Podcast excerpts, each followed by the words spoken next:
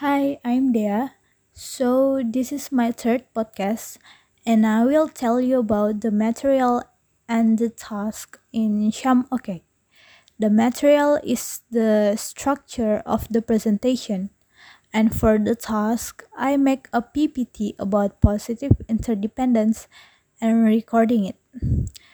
In the opening of my presentation, I use presentation structure such as welcoming the audience, introducing myself, I state my topic, I explaining the reason why the topic is important for the audience, and I tell about duration for my presentation.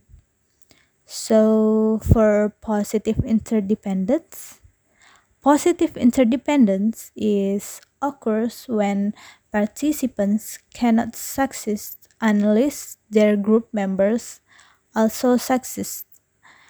The reason why positive interdependence is important because it can promote a cooperative and caring learning community in which students work together are supportive and encourage each other to learn and succeed, rather than negative interdependence that creates an unfriendly, competitive, or even hostile learning environment in which classmates are at odds with each other.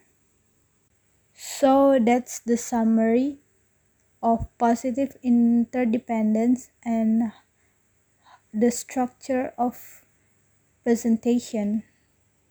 Thank you.